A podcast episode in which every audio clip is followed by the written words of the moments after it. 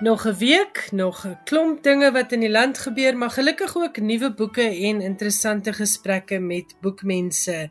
Ek is Elsje Salzveld, ek sê vir jou goeienaand, baie welkom by Skrywers en Boeke en welkom by RSG. In vanaand se program het ek vir jou drie uiteenlopende bydraes. Daar's 'n uittreksel uit 'n argiefonderhoud waarin die bekroonde skrywer Elsabie Steenberg praat oor die rol van stories en fantasie in kinders se lewe. Ek gesels met die Poolse akademikus Jerzy Koch oor sy liefde en werk in en vir Afrikaans. En dan vertel Willemien de Pre vir ons meer oor die inspirasie vir haar autobiografiese boek 'n plaas se prys. Ek hoop jy kuier vanaand baie lekker daar voor die radio.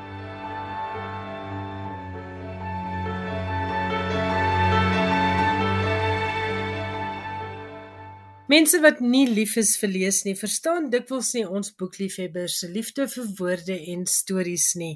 Maar enige leser sal jou vertel, stories vermaak, dit voed op, dit trek ons in in wêrelde wat ons nie ken nie en help ons om koneksies met karakters en mense te maak oor wie ons andersins dalk nie tweemaal sou dink nie. Mense vir wie ons geen empatie of simpatie sou gehad het as dit nie was vir die boek en die storie wat ons oor hulle lees nie. Boeke en stories leer ons om die wêreld deur ander se oë te sien en dis iets waaraan omtrent elke boek wat ek lees my herinner. Ek het dit ook weer besef met die luister na 'n argiefgesprek waarin wyle Dr. Elsie Steenberg, bekroonde en geliefde Afrikaanse skrywer onder andere van kinderboeke met Johannes Oosthuizen gesels het oor die belangrike rol wat stories en fantasie in kinders se lewens speel. Ek gaan nou vir jou 'n uittreksel speel uit 'n vroue rubriek onderhoud wat in 1988 met Elsabie gevoer is. Kom ons hoor wat sê sy alles oor kinders, boeke en fantasie. U skryf kinderverhale en dit beteken dat u die kind baie goed moet ken. Het u 'n gelukkige kinderjare gehad? Dit is presies moeilik om so kategories te sê gelukkig. Want 'n mens het maar uh ag ek weet nie, ek dink ek was 'n bietjie bietjie kompleks van self ook, maar baie dinge baie intens ervaar. En miskien op daardie manier onthou 'n mens ook jou kindertyd hmm. en probleme wat jy gehad het en uh, kan jy miskien ook later identifiseer met ander kinders en hulle probleme. Hmm. Maar ek het baie sterk altyd maar 'n sterk aanvoeling gehad vir kinders. Hmm. Ek onthou toe ek self nog jonk was, wou ek so graag 12 kinders hê. Dit het my ma nogal besonder bekommer. U het gesê u vader was die groot storieverteller en u moeder het ook vir u voorgeles. Uh hoe het u u kinders grootgemaak? Betreffende nou boeke. Hulle het baie stories gehoor, verskriklik baie. Ek het net eenvoudig van dit die oudste ouetjie omtrent 2 was tot die jongste een 11 was en dit is baie jare het ek elke dag vir hulle voorgeles stories. En uh dit was maar 'n deel van uh van hulle lewens met ander woorde om met stories groot te word. En dit was vir my verskriklik belangrik, nie net terwyl van die storie nie, maar ook die verhouding dan, dat 'n mens dan naby mekaar is en uh deur middel van die storie ook by mekaar uitkom. En op die manier was boeke altyd baie belangrik geweest. Jong moeders wat nou klein kindertjies in die huis het. Uh sou u sê dit is belangrik vir 'n kind om met 'n boek groot te word, uh met stories groot te word? Ek ek weet nie, ek dink is verskriklik belangrik. Ek weet nie hoe hulle kan anders as om met boeke groot te word nie. Ek is nou al bevoorreg om selfs kleinkinders te hê. Dit is vreeslik om te sê, maar dit is so. En uh, die oudste ouetjie is nou 2. En nou al uh kom hy dadelik na my toe en kom sit by my op my skoot en ons lees 'n boek saam, kastig lees. So sonder 'n boek is hulle wêreld soveel meer beperk. Hulle kan nie die die ruimte beleef wat mense deur middel van boeke kry nie. Nou hy's nog te klein vir stories, maar sodra hy bietjie groter is, sal die stories ook maar begin. Fantasie is ook vir my verskriklik belangrik. Dis vir my so deel van 'n kind. Dis asof 'n kind ding besef wat wat volwassenes later nie meer wil besef nie. En dis dat die wêreld regtig nie meer net bestaan uit goed wat jy kan ryk en kan hoor en aan kan vat nie. Dis 'n so klein stukkie van die wêreld. 'n Groot die grootste gedeelte is maar die die onderkant die oppervlakte. Dis amper soos 'n soos 'n uh byvoorbeeld 'n rots wat net 'n klein stukkie bo is en die grootste deel van die rots is maar onder die water. En uh dit is wat belangrik is want dit is wat wat die hele wêreld sy stuur gee wat wat onder die oppervlakte aangaan. En uh as 'n kind nie fantasie het nie, dan ontspoor hy werklik heeltemal. Ek het nou self so rukkie terug met mense gepraat oor die sprokie. En dit het hulle ontstel. Die een het vir my gesê ook, maar sy het nie geweet uh dat dit so belangrik is nie, want sy was op uh is bepaalde universiteit ook gewees in of of 'n college waar dit heeltemal uitgefaseer is. Hulle mag glad nie met fantasie ge, gewerk het nie. En die gevolg daarvan is dat sy ook toe begin het eendag met kleintjies om 'n uh, uh, eenvoudige sprokie wat almal eintlik ken van die drie varkies. Dit is bespot en vir die kleintjies te sê ag maar daar was vier varkies, dit was nie drie nie. En sy sê meer as die helfte van daai kinders het in trane uitgebars en sy het nie verstaan hoekom nie want dit is 'n uh, sekere patrone wat hulle moet hê. En as hulle daardie dinge nie het nie dan dan dan draak hulle geweldig omgekrap. Dus uh, ouers ook, hulle moet eenvoudig die kinders toelaat om te fantaseer en vir hulle fantasieboeke lees dat hulle daai groot deel van hulle lewe werklik kan beleef soos terwyl hulle kinders is. Want anders gaan hulle iewerster, gaan hulle heeltemal anderster word en die werklikheid nie meer kan hanteer nie. Hmm, hmm. Jy kan nie die werklikheid hanteer as jy nie dit deur middel van die fantasie dinge doen nie. As 'n mens so luister na na fantasie en en hoe nodig dit eintlik vir vir kleintjies is. En 'n mens skryf fantasieboeke. Dit is seker baie moeilik om om geloofwaardige fantasie vir die kinders te skep. Dit is besonder moeilik, ja. Mens kry baie voornemende skrywers en dink dit is maklik om sommer net gou-gou van 'n kabouter te skryf en klaar, maar dit is werklik verskriklik moeilik om fantasie te skryf op so 'n manier dat dit geloofwaardig is en dat dit iets sê. Maar dit help nie om sommer nou net 'n ou 'n figuurtjie te maak wat absoluut so vlak is dat hy niks sê nie.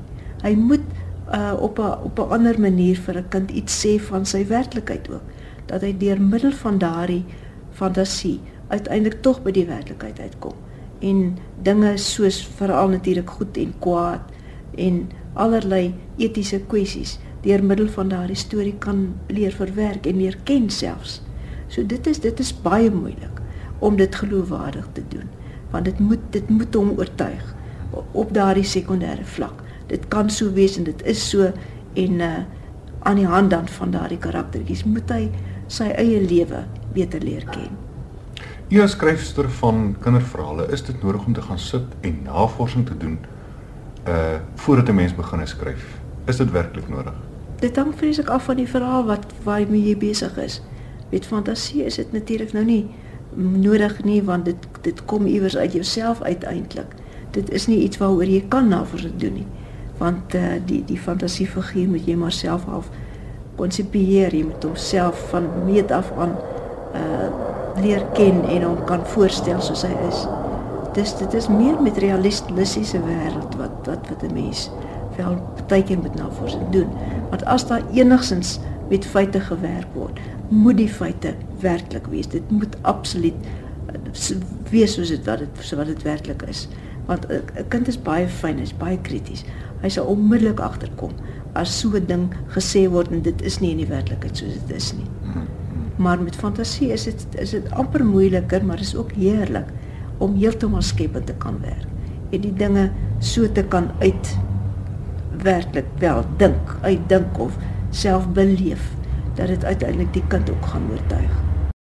Dit was die stem van Dr. Elsie Steenberg, 'n lewe bekroonde Afrikaanse skrywer en ook jonger suster van Wyle Andrei P Brink.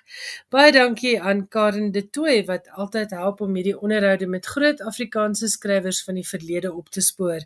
Dis dan 'n manier waarop ek met skrywers en boeke kan help om die geskiedenis van die Afrikaanse letterkunde te help bewaar. En ek hoop dit moedig jou aan om op jou boekrak te gaan soek na 'n boek van Elsie B Steenberg en dit sommer net weer te lees.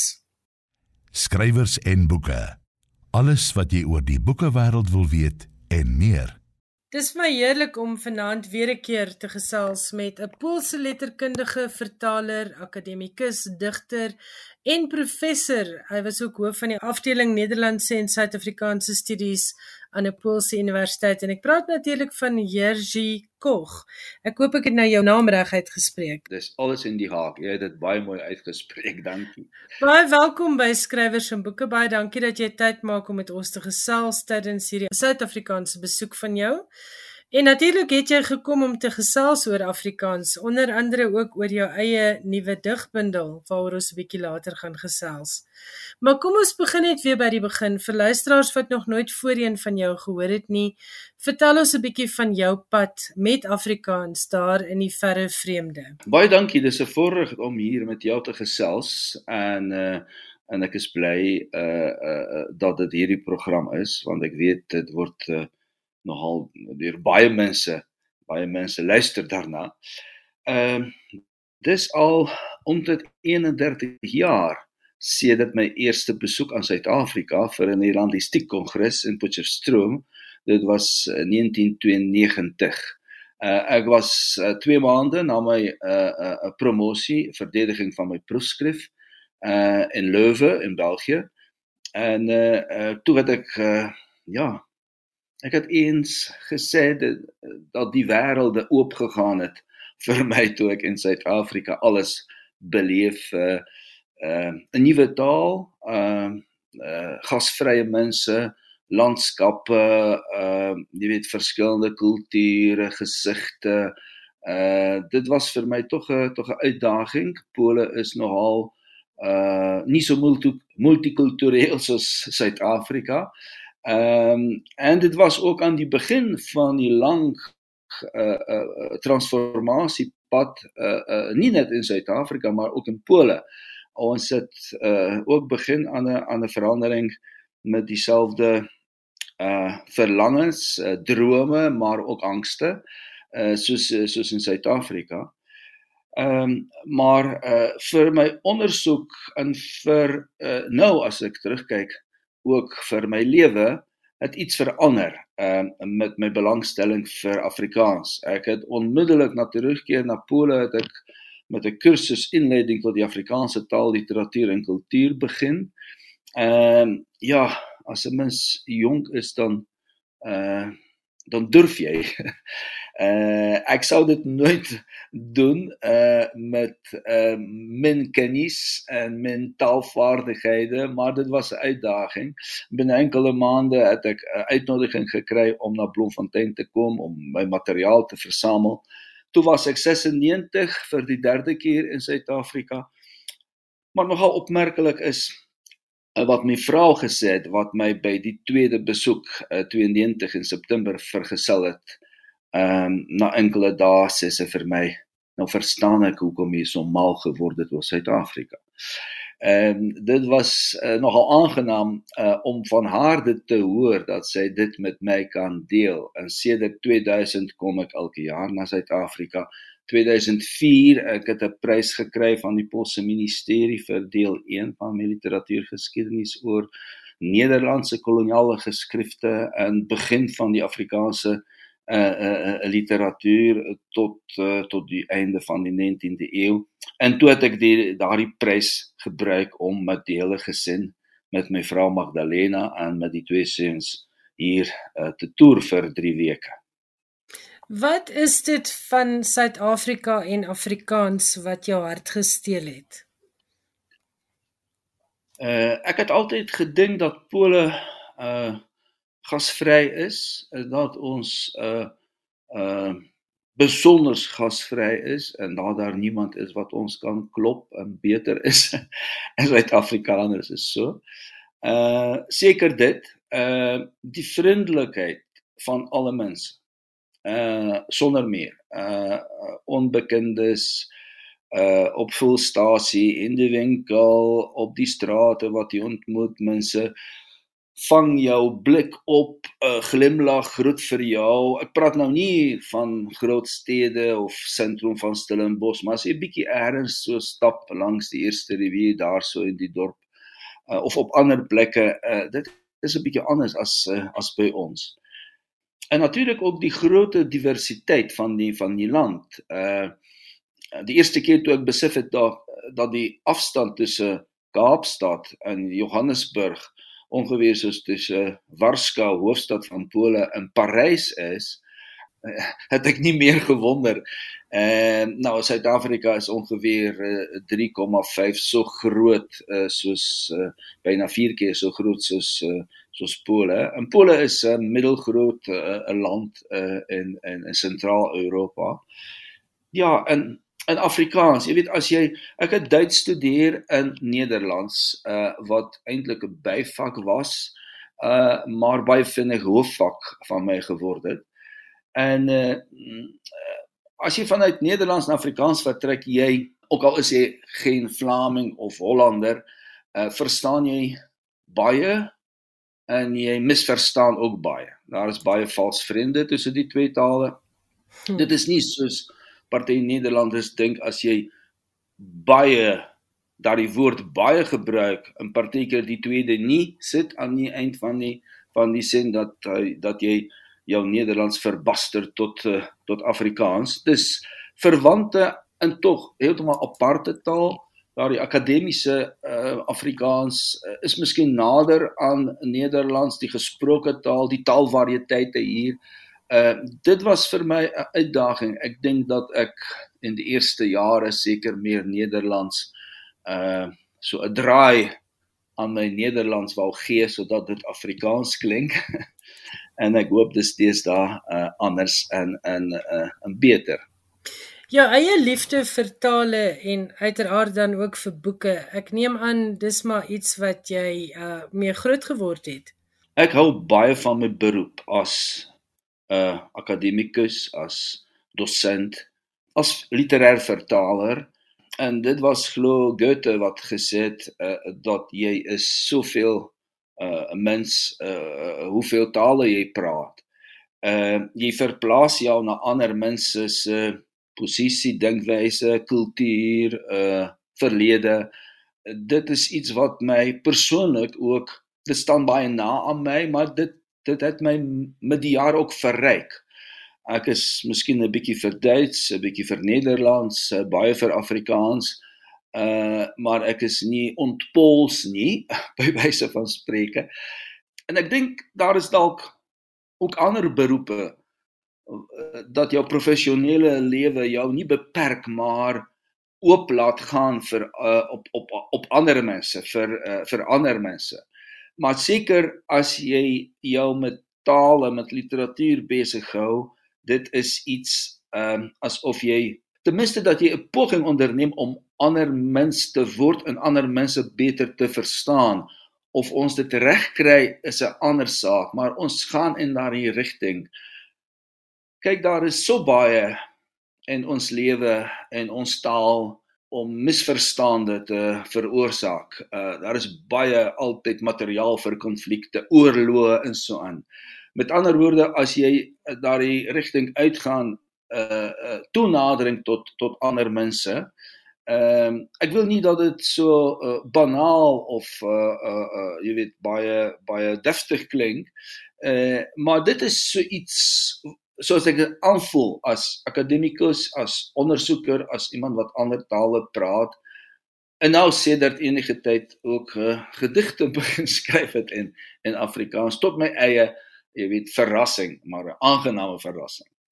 Ons gaan nou-nou 'n bietjie oor jou gedigte praat, maar ek wil ook net gou vir jou vra. Ek onthou uit my kinderjare was die Poolse stryd vir onafhanklikheid was erg. Dit was intens en ek onthou in dieselfde stadium was die stryd in Suid-Afrika en in Suidwes-Afrika, Namibië waar ek groot geword het, was daar ook 'n stryd vir onafhanklikheid. Dink jy dit het jou meer toegeneig gemaak tot Afrikaans, hierdie ding dat ons albei se lande in 'n stryd vir vryheid betrokke was? Nee, ek dink dit is iets wat die lande verbind en wat my as 'n uh, uh as Pool, as Poolse burger beter uh of nader uh aan die Suid-Afrikaners gebring en dan hulle soos ek uh, gesê het uh angste, drome en so aan. Uh in my geval dink ek was ehm uh, dit veral hoe moet ek dit stel? Kyk, ek was 7 jaar in 'n musiekskool en ek het uh, viool geleer. Ek speel dit nou en dan maar nie baie nie meer nie. Uh maar dit gaan nooit weg nie. Uh daardie ontvanklikheid vir uh, klanke uh oor vir iets anders wat wat anders vreemd uh in in baie gevalle aantreklik is. Nou dit is presies wat ek uh ooit met Duits gehad het en uh, later uh, uh met met Nederlands. Daar daardie gevoel in jou buik dat jy verlief is op die materiële van die van die taal, hoe dit klink. En as jy dit begin praat, dan dan is jy nader aan daardie geliefde van jou. En dieselfde het ek ook ervaar met uh, uh met Afrikaans. Dit was 'n baie innige en intense gevoel. Ek wil die taal beter verstaan. Ek wil die taal praat. Ek praat nou oor die jare 90 met ander woorde ek dink dit was uh miskien uh, uh is dit vir jou 'n bietjie ontgooeling maar dit was nie daardie groot uh vryheidsstrewe wat ten minste in die lande se geskiedenis kan kan kan ontdek en en en en sien. Maar dit was ook daardie sekere mate daardie ook materiële van die taal uh uh, uh klanke uh intonasie uh, melodieë uh uh elke keer as ek in Kaapstad land en dit is 'n uh, direkte vlug uit uit Europa en ek hoor bruin mense daar uh, Afrikaans praat uh, die meeste uh, hulle sing vir my die taal hulle praat die taal nie.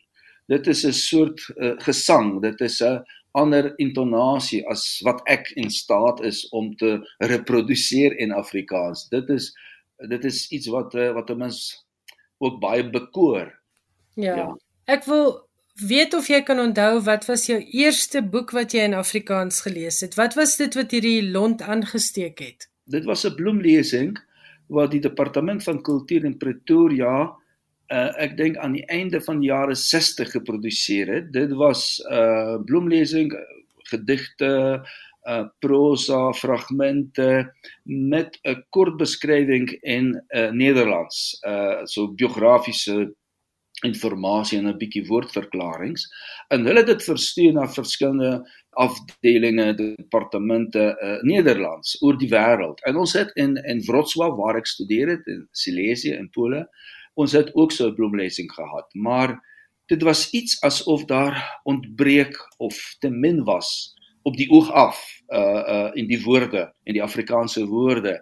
En ek herhaal dikwels uh, haal ek uh, Ad Nuis, uh, minister van kultuur in die jare 90 in in in Nederland wat gesê het en ek stem 150% saam met hom toe hy as kind uh, op die lesenaar van sy pa uh, 'n uh, uh, oop boek in Afrikaans gesien het en hy gekyk na die Afrikaanse taal toe het hy as kind gedink wow dit is 'n Nederlands wat baie lank in die son gelê nou dit was daai Daar die so, herkenning en vervreemding wat jy te gelykertyd kry wat vir my ook 'n uitdaging was. Ek ek ek wil nie sê ek was kwaai, ek kan nie alles verstaan nie, maar dit was eh, daardie gevoel van inspirasie of eh, of mobilisasie. Ek onthou een ding, uh, na die Potchefstroom se uh kongres uh, het ek met John Kannemeyer en Etienne Brits uh, het ons na Warmbad gegaan en dan sit ons in 'n in 'n pool en dan verpraat hulle. Hulle praat, hulle praat en ek en ek weet nie waaroor hulle praat. Toe vra ek, "Wat is dit?" Toe sê Etienne vir my, "Ag luister, dit is so 'n kodde gedig, lied ter ere van die Swellendamse en diverse ander helde by die bloedige aksie by Meisenberg." Uh 1795 as ek my nie vergis nie. En toe het ek gedink, niemand gaan in die toekoms in my aanwesigheid praat oor iets in Afrikaans wat ek nie van weet nie of verstaan nie. Eh uh, maar ek is baie dankbaar aan die twee here dat hulle my so blootgestel het aan aan hierdie ervaring en iets in my uh ja, uh, uh het uh het ontstaan toe. Hm? Ja, jy het toe gegaan en jy het 'n Afrikaanse departement gaan stig by jou universiteit in in Pole of is dit nie heeltemal hoe dit gewerk het nie? Ek het met 'n kursus begin, 'n uh, inleiding tot die Afrikaanse taal en literatuur en kultuur aan die Universiteit van Wrocław waar ek toe waaraan ek toe verbonde was en toe het ek uh, my departement ook uitgebou uh aan die die naam was 'n uh, departement vir moderne Nederlandse literatuur in Afrikaans. sedert 97 het ek 'n tweede aanstelling gehad in aan die universiteit in Poznan uh, waar ek sedert 2011 uh alleen werk. Uh met ander woorde, ek is nie meer uh aan die universiteit uh van Wrocław uh, verbonde en daar het ek baie vinnig by die groot in, instituut vir Engels het ek met die Suid-Afrikaanse studies begin. En die Suid-Afrikaanse studies wil sê dat die helfte van die vakke van ons kurrikulum was Engels oor uh, jy weet Engelse kultuur, taal en so, en so meer. Maar die ander helfte was die Suid-Afrikaanse vakke en dit was Afrikaans, dit was South African English, dit dit dit was ook Engelstalige letterkunde hier, maar Afrikaanse letterkunde. Dit was nie studente Nederlands, maar studente Engels. Maar op 'n manier het ons uh vir goeie 14, 15 jaar het dit baie goed gedraai. Ons het altyd 'n volle groep gehad uh, uh ek het uh, tot my medewerkers uh, uh, uh behoort mense soos uh, Tertio Skap van die Olivier veel van Skalkwyk uh Matilda Smit uh uh en en baie ander. Uh ek kan nie uh, almal so opnoem nie.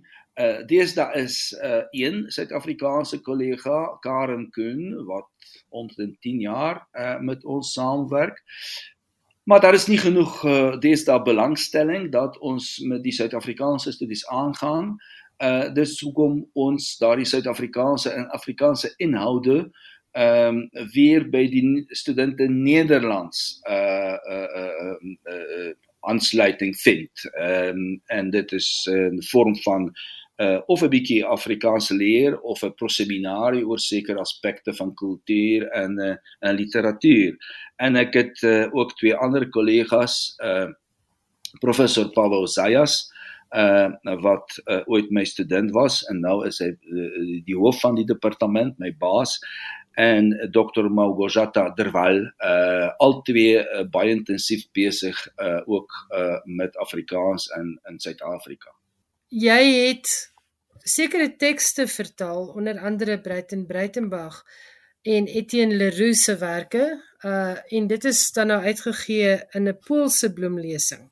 Uh, Etienne Leroux het ek al jare gelede uh vertaal, sy sewe dae by die Sil Silversteins, maar ek dink pas hierdie jaar het ek 'n uitgewer in die boek as als goed gaan kom volgend jaar uit van uh Eentjie Krog, uh, Ingrid Jonker nog in die jare 90 uh in Breiten Breidenbach is dit aparte boek bloemlesings uit hul uh poësie.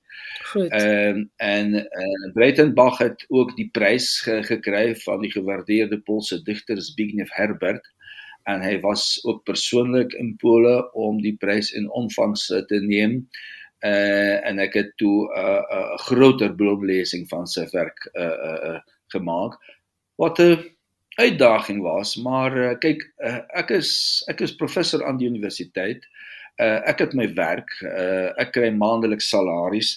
Ek wil nie iets vertaal wat maklik vertaal. Ek wil iets uh ek soek ook uitdagings in my navorsing, maar ook in my vertaalwerk. En uh ja, as jy sê krog of uh uh, uh Breitenbach dan is die name reeds is 'n soort uitdaging. Hulle is so kompleks en uh, hulle uh, gebruik die hele diapason van die van die Afrikaanse taal. Uh ja, maar ek was uh, ek ek moet ook sê dat uh, by die Czesław Miłosz Festival in Krakow uh daar die digbundel van uh Eintjie het uh, nogal groot indruk gemaak.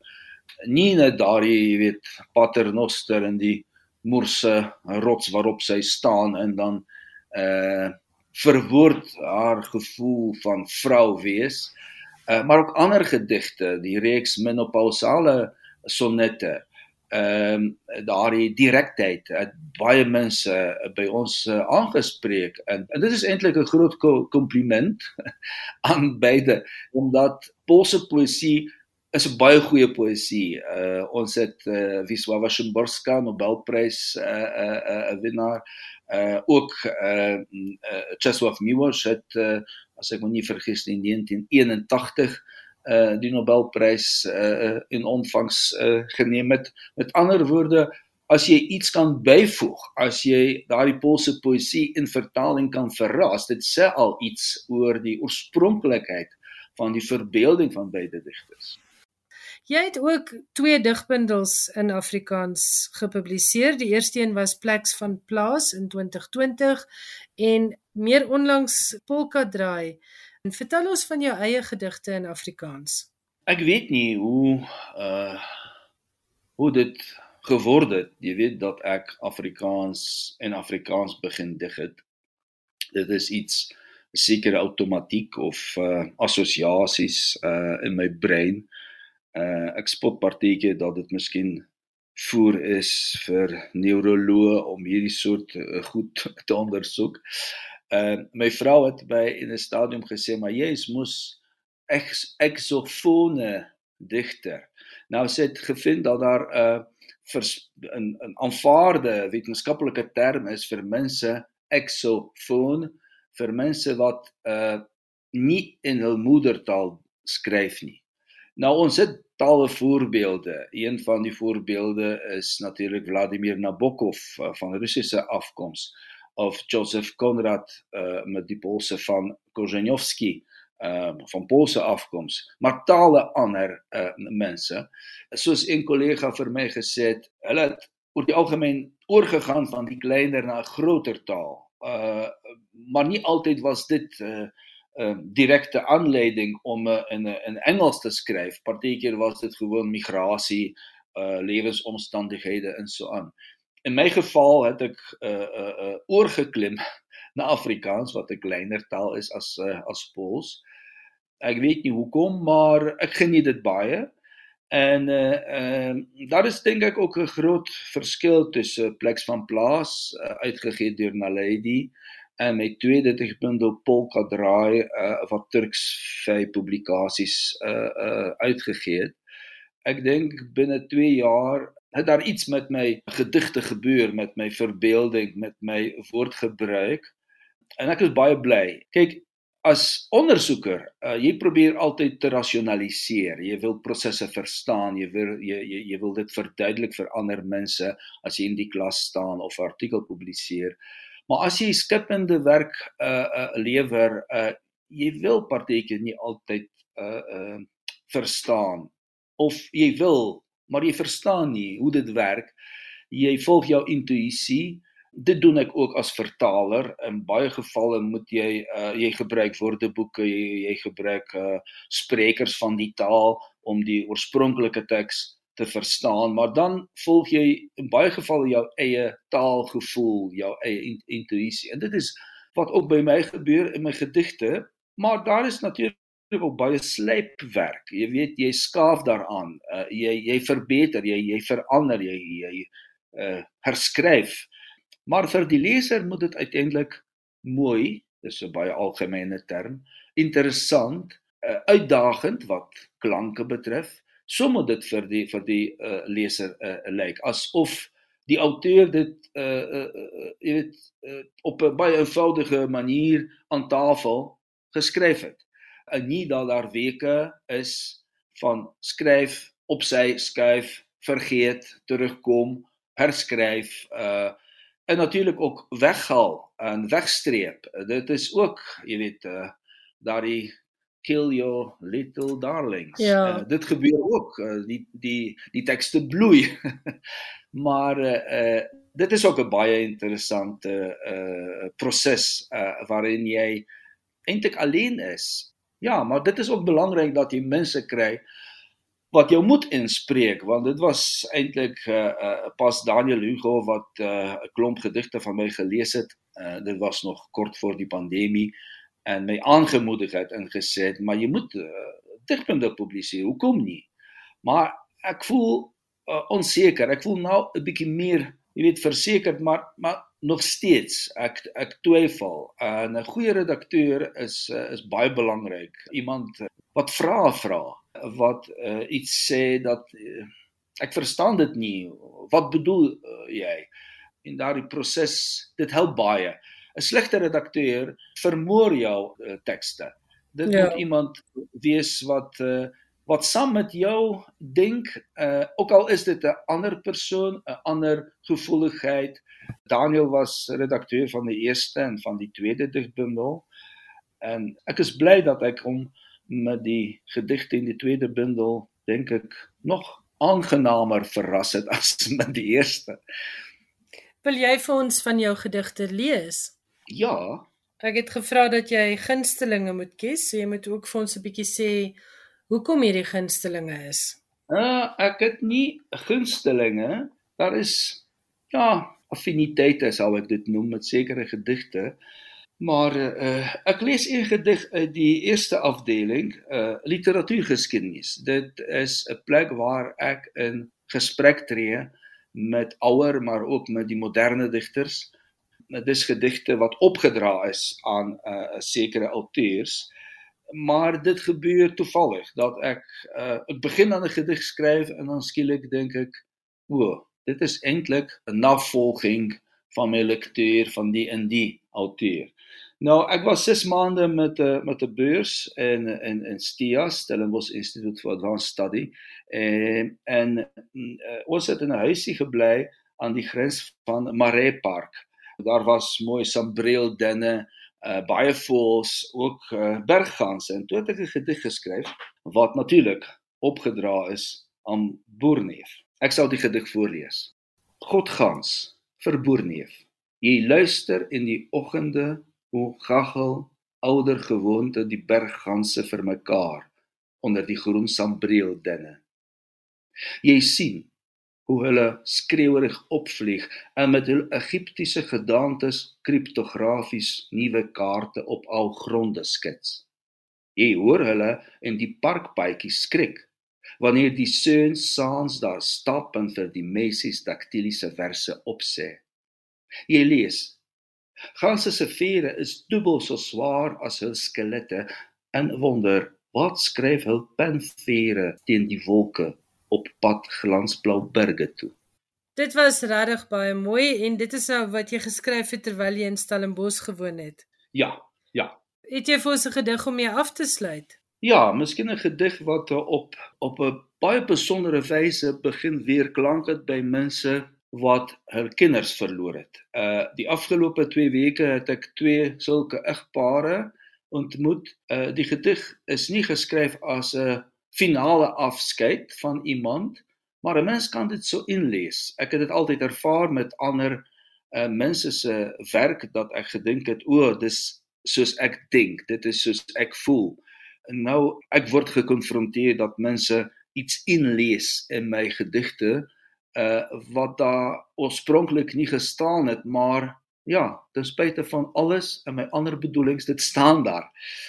Dit is die gedig, die laaste gedig uit die digbundel Polka Draai. Verweelskrif. En jy vlieg weg in hierdie donker uur terwyl ons hier verlate staan agter ons oë in huil. Ons glinster trane rol op die wange wat by afskeid gesoen is met verweelskrif. Die nag is die weduwee van die dag, sê die ou digter. En sien, in daardie lang verdonker sweef jy tussen die sterrebeelde en die supersoniese vliegtuig bring jou ander kant die berge, na vreemde landskappe, verre strande en ander tale. Dis baie aangrypend, Jerzy Kog. Baie dankie dat jy jou nuwe digbundel met ons gedeel het en ek neem aan luisteraars wat dit wil bestel, moet net op Turks 5 publikasie se webwerf gaan kyk. Ja. Baie dankie vir 'n baie interessante onderhoud. Baie dankie vir alles wat jy uitpole vir Afrikaans doen en ons gesels hopelik eendag weer. Baie dankie. Nou ja, is dit nie heerlik om na professor Jerzy Kog se entoesiasme vir ons land en ons taal te luister nie. Hy het voorgeles uit sy jongste digbundel Polka Draai. Dit word uitgegee deur Turks 5 Publikasies. Skrywers en boeke. Elke Woensdag aand tussen 8 en 9. Ons almal ken iemand of ons is dalk daardie iemand wat altyd droom van 'n idilliese lewe iewers anders. My volgende gas, Willemien de Pre, vertel in haar autobiografiese boek 'n Plaas se prys presies hoe maklik 'n mens vir jou 'n kat in die sak kan koop as jy altyd droom van 'n lekker plek iewers anders. Sy en haar man het kort voor hulle aftrede besluit om 'n plaas te koop. Hier is Willemien de Pre. Willemien, goeienaand, baie welkom by Skrywers en Boeke. Goeienaand Elsje. Baie dankie dat jy my uitgenooi het. Vertel ons net eers ietsie oor jouself. Ek het gesien agter in jou boek word daar melding gemaak van jou loopbaan as aktrise, maar wat is jy nog? Kyk, ek was maar eintlik 'n small town actress. Het ek myself altyd beskryf want ek het baie laat in die bedryf um, begin op 40 eers het ek my eerste professionele rol gehad in die van Aardes van Grootoor eh, wat ek vir Pieter Dirk Eis uh, gespeel het. En so ek het my altyd gevoel ek het net my voet in die deur gekry maar kon nooit die deur wyd oopmaak nie. So um, ek het dit gedoen en um, ek het 'n bietjie filmwerk gedoen. Niks noemenswaardig nie. En ek het probeer om 'n projek op die been te bring. Dis 'n baie lang storie vir 'n ander dag en dit het nie gewerk nie na 3 jaar en dit het soort van bygedra tot ons uh besluit om Johannesburg of Gauteng te verlaat. En my man was baie moeg en moeg gewerk en toe ons net hollerste boller 'n plaas gaan koop. En dis nou waaroor 'n plaas se prys gaan, is ja. die plaaskopery van ja. twee stedelinge. Nou, ja. ek wil nou eers weet, dit word bemark as 'n autobiografiese roman, maar hoeveel hiervan is julle storie en hoeveel is kreatiewe vryheid? Wel, baie daarvan is autobiografie. Maar natuurlik is daar ook kreatiewe vryheid en ek het een spesifieke karakter wat ek vir hom ehm um, ek het 'n ander karakter se eienskappe gekombineer in in sy beskrywing van die karakter. Dit is ek sou sê dis hoofsaaklik autobiografie. Ja. Goed.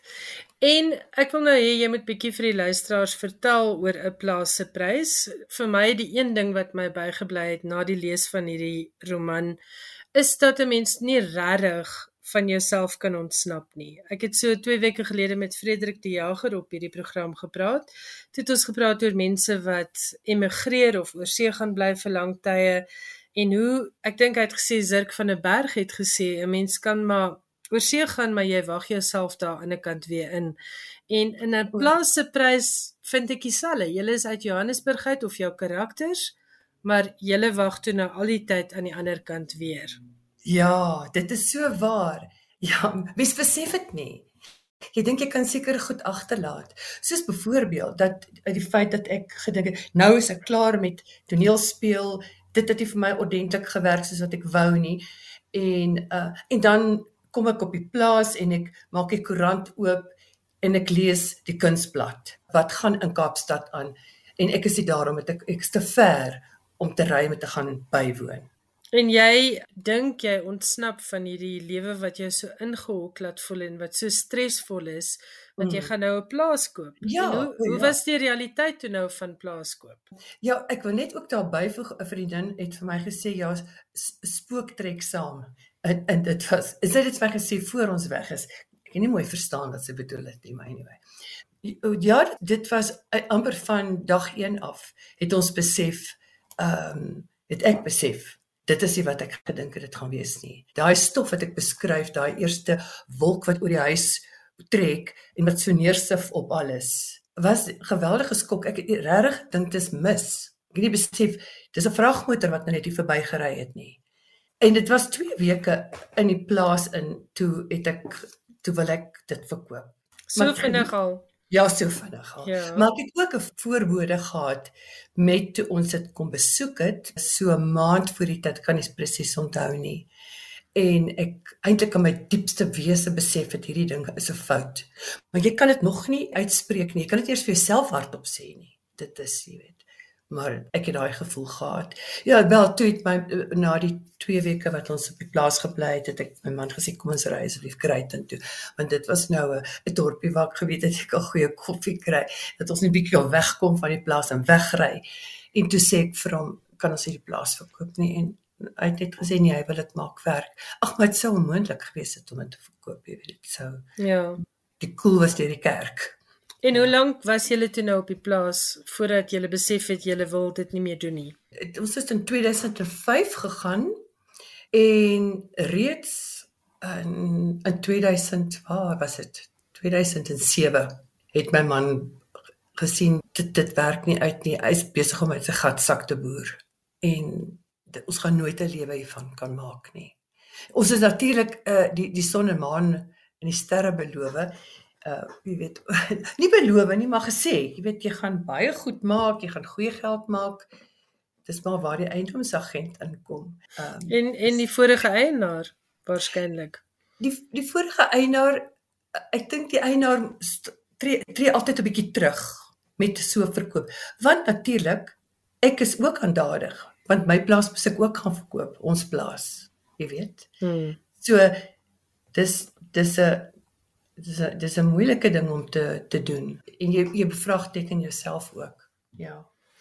Jy het 'n besonder fyn waarnemingsvermoë um, en ek is baie geïnteresseerd in hoe die skryf van hierdie boek verloop het. Het jy 'n dagboek gehou in jou tyd op die plaas of hoe het jy so goed geskryf wat jy om jou gesien het? Ek het uh dit begin as briewe van 'n inkomer wat ek vir my vriende geskryf het hier in Gauteng. En dit het ek vir 'n hele ruk mee aangehou.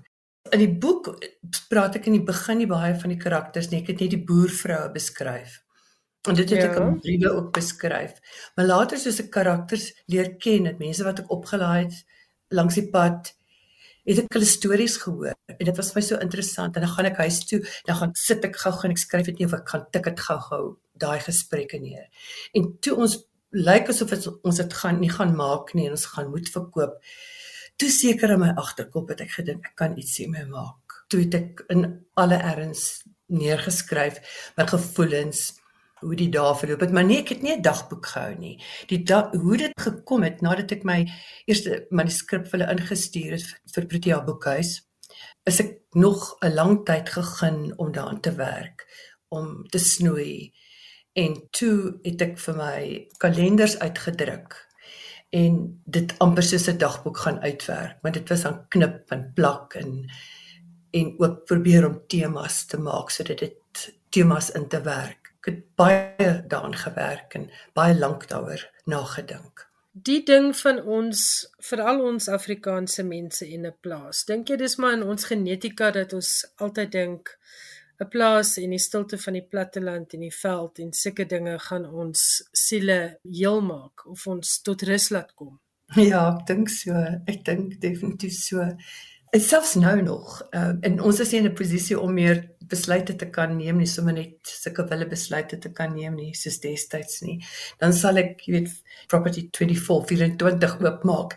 Dan dan gaan kyk ons gou-gou vir 'n huisie in die mhm. Karoo. Jy weet, dan soek ons so 'n klein werkershuisie. Ek dink dit is 'n dit is 'n ding. Ek dink is Afrikaner ding. Maar dis ook 'n wêreldwye tendens nou, hierdie rondbeweeg op soek na 'n beter plek en die versigtiging na 'n eenvoudige leefstyl. Jy sien dit op TV-programme. Maar ja, ek dink hierdie versigtiging van mense om 'n om 'n stukkie grond te besit is baie sterk. En ek dink is dit hang gaan ook saam met ons landskap wat so mooi is in sekere dele van ons land, veral in die Wes-Kaap en Suid-Kaap. Jy skryf ook hier oor baie interessante karakters wat jy op die platteland raakgeloop het. Jy het nou-nou gesê die meeste van hulle is werklike mense.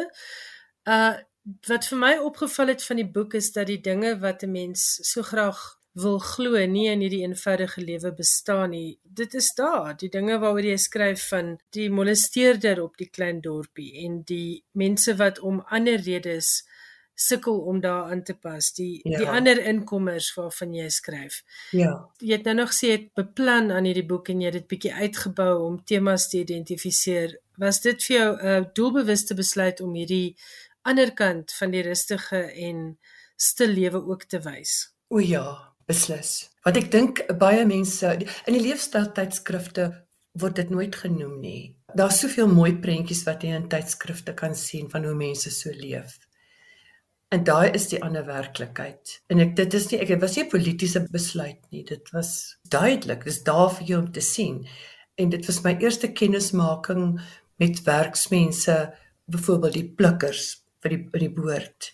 Jy gaan laai hulle op, kyk waar hulle bly, En die stories het elke dag ingekom, maar dit met die stories in gekom en vir my vertel wat ek nie geweet het nie, dit het sy my vertel. Daar's nog iets wat my opgeval het van jou boek en dit is jou eerlikheid. Jy het altyd besef jy het foute gemaak en jy huiwer ook nie om oor jou foute te skryf en om verskoning te vra nie. Ek dink nou byvoorbeeld aan die insident met Martie, die lesers moet ja, maar self gaan lees. Ja. Maar dit was vir my hartroerend eerlik, jou hele boek. En ek moes dit sê, want ek dink toe ek die boek geskryf het, dit was in die tyd van van COVID.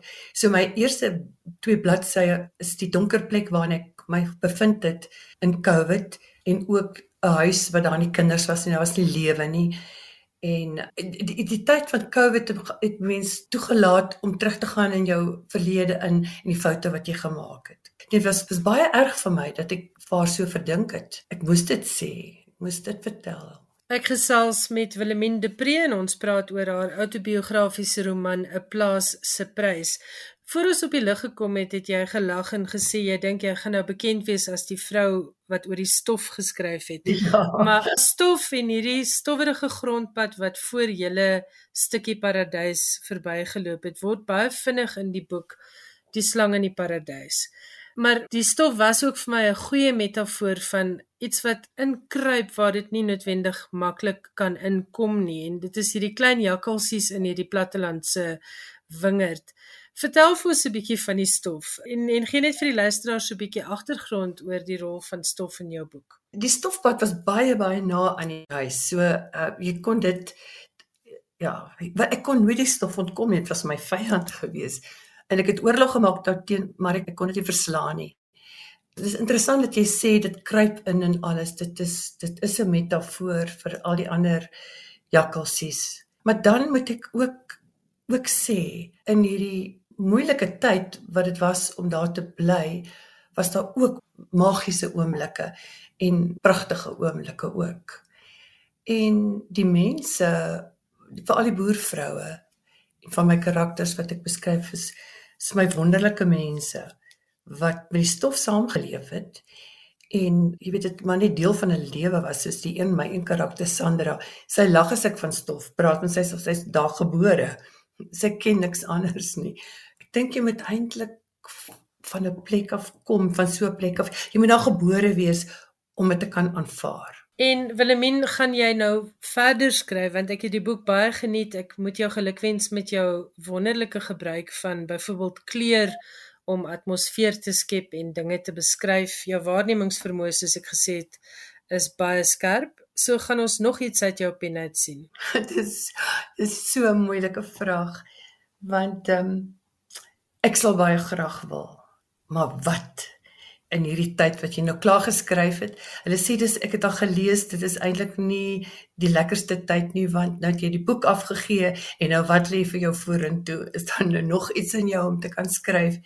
En um, ek het op 'n laat ouderdom begin. Maar ek moet sê dit was my baie lekker geweest om te skryf. Ek hou baie daarvan. Lekker vir my om in my ou donker kamertjie in te gaan en myself af te sny van die huis in en te werk aan woorde was my baie baie lekker. Net 'n laaste vraag, het jy gedink skryf is sulke harde werk? Was dit wat jy gedink het dit gaan wees of was jy 'n bietjie onkant betrap? Kyk, dit is regtig daai geuite uh, uitdrukking van geboorte. Jy vergeet van die swaar, maar dit was baie keer vir my swaar, ja. En ek kan onthou, daar was ek het ook die die plaas herleef. En dan het ek eintlik uit my kamer uit gegaan en my man gepraat oor hierdie verskriklike ding wat ons gedoen het. Dan sê ek maar, wat het ons besiel om dit te doen? Want nou skryf ek dit. En dan het ek 'n bietjie gehuil ook. En dan gaan ek maar weer terug en dan werk ek maar weer aan. So dit was ook in 'n mate terapeuties. Jy kon regtig waar hierdie hoofstuk afsluit deur die boek. Ja. Baie geluk met 'n baie lekker boek. Ek sou dit aanbeveel vir enige lesers wat hou van die tipiese verhale van Sema a year in Provence in um under the Tuscan sun. Dit's dis daai soort boek waar iemand hierdie mankolieke plekkie vat en hom probeer mooi maak en al die swaar en al die lekkerte wat daarmee saamgaan. 'n plaas se prys deur Willemien de Pre word uitgegee deur Protea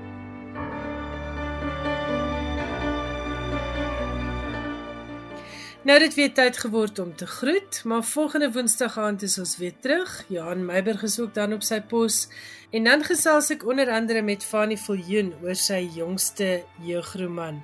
Tot dan, lekker lees. Ek hoop jy het 'n stapel lekker leesgoed en mooi loop. Totsiens.